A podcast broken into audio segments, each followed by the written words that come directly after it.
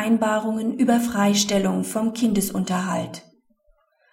Eine Freistellungsvereinbarung zwischen den Kindeseltern kommt nicht schon dadurch zustande, dass der betreuende Elternteil ein höheres Einkommen des Unterhaltspflichtigen nicht gänzlich ausschließt und zumindest damit rechnet, dass der Unterhalt zu niedrig vereinbart wird. Die geschiedenen Eheleute streiten über Rückgriffsansprüche. Zuvor vereinbarten sie im Jahr 2003 im Zusammenhang mit einer Scheidungsvereinbarung unveränderbar die Kindesunterhaltspflichten des Ehemanns für fünf gemeinsame Kinder. Als Maßstab wurde dabei die zehnte Einkommensgruppe der Düsseldorfer Tabelle festgelegt. Zu diesem Zeitpunkt stand ein Arbeitsplatzwechsel des Ehemanns mit deutlich höherem Einkommen bevor was der Ehefrau bekannt war. Die drei jüngsten noch minderjährigen Kinder verklagten im Jahr 2005, vertreten durch die Ehefrau, den Ehemann auf Auskunft und Zahlung von höherem Kindesunterhalt. Sie beriefen sich auf Paragraph 1614 BGB. Nach erteilter Auskunft erkannte der Ehemann den Unterhaltsanspruch der Kinder in Höhe von 200 Prozent des jeweiligen Regelbetrags an. Dieser fordert nunmehr von der Ehefrau die Erstattung der Beträge, die über die Vereinbarung aus dem Jahr 2003 hinausgeht.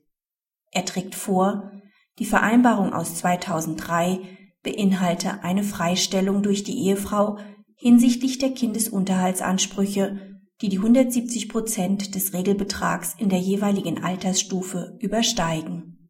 Das Amtsgericht und das Oberlandesgericht verurteilten die Ehefrau antragsgemäß.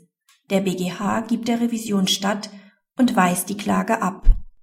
Der Wortlaut der Vereinbarung enthält weder eine ausdrückliche noch eine konkludente Freistellungsabrede.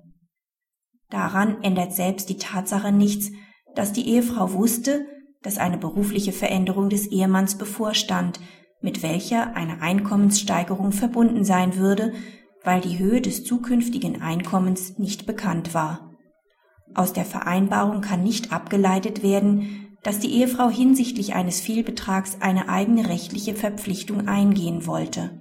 Sie wusste nicht, in welchem Umfang der tatsächlich nach dem Gesetz geschuldete Unterhalt höher als tituliert war, so dass sie über den Fehlbetrag auch keine konkrete Vorstellung haben konnte. Sie hätte sich bei Annahme einer Freistellung somit hinsichtlich ihrer Verpflichtungen von Umständen abhängig gemacht, die außerhalb ihres Einflussbereichs lagen. Mit der Vereinbarung gingen zudem keine Vorteile für die Ehefrau einher, die eine tatsächliche Freistellung nahelegen. Eine andere, wie vom Oberlandesgericht durchgeführte Auslegung der Vereinbarung hätte eine Aushebelung des Paragraphen 1614 BGB zur Folge. Danach hätte bei einer Beteiligung der Kinder eine Wirksamkeitskontrolle stattfinden müssen. Zudem bestand für die Parteien auch kein Grund, eine Freistellungsabrede zu vereinbaren. Schließlich fehlt es für eine mögliche ergänzende Auslegung an einer Grundlage. Praxishinweis. Freistellungsabreden zwischen Eltern sind in der Praxis von großer Bedeutung, weil auf Kindesunterhalt für die Zukunft nicht verzichtet werden darf. Die Freistellungsabrede stellt für den barunterhaltspflichtigen Elternteil die einzige Möglichkeit dar, den zu zahlenden Kindesunterhalt für die Zukunft vorhersehbar zu reduzieren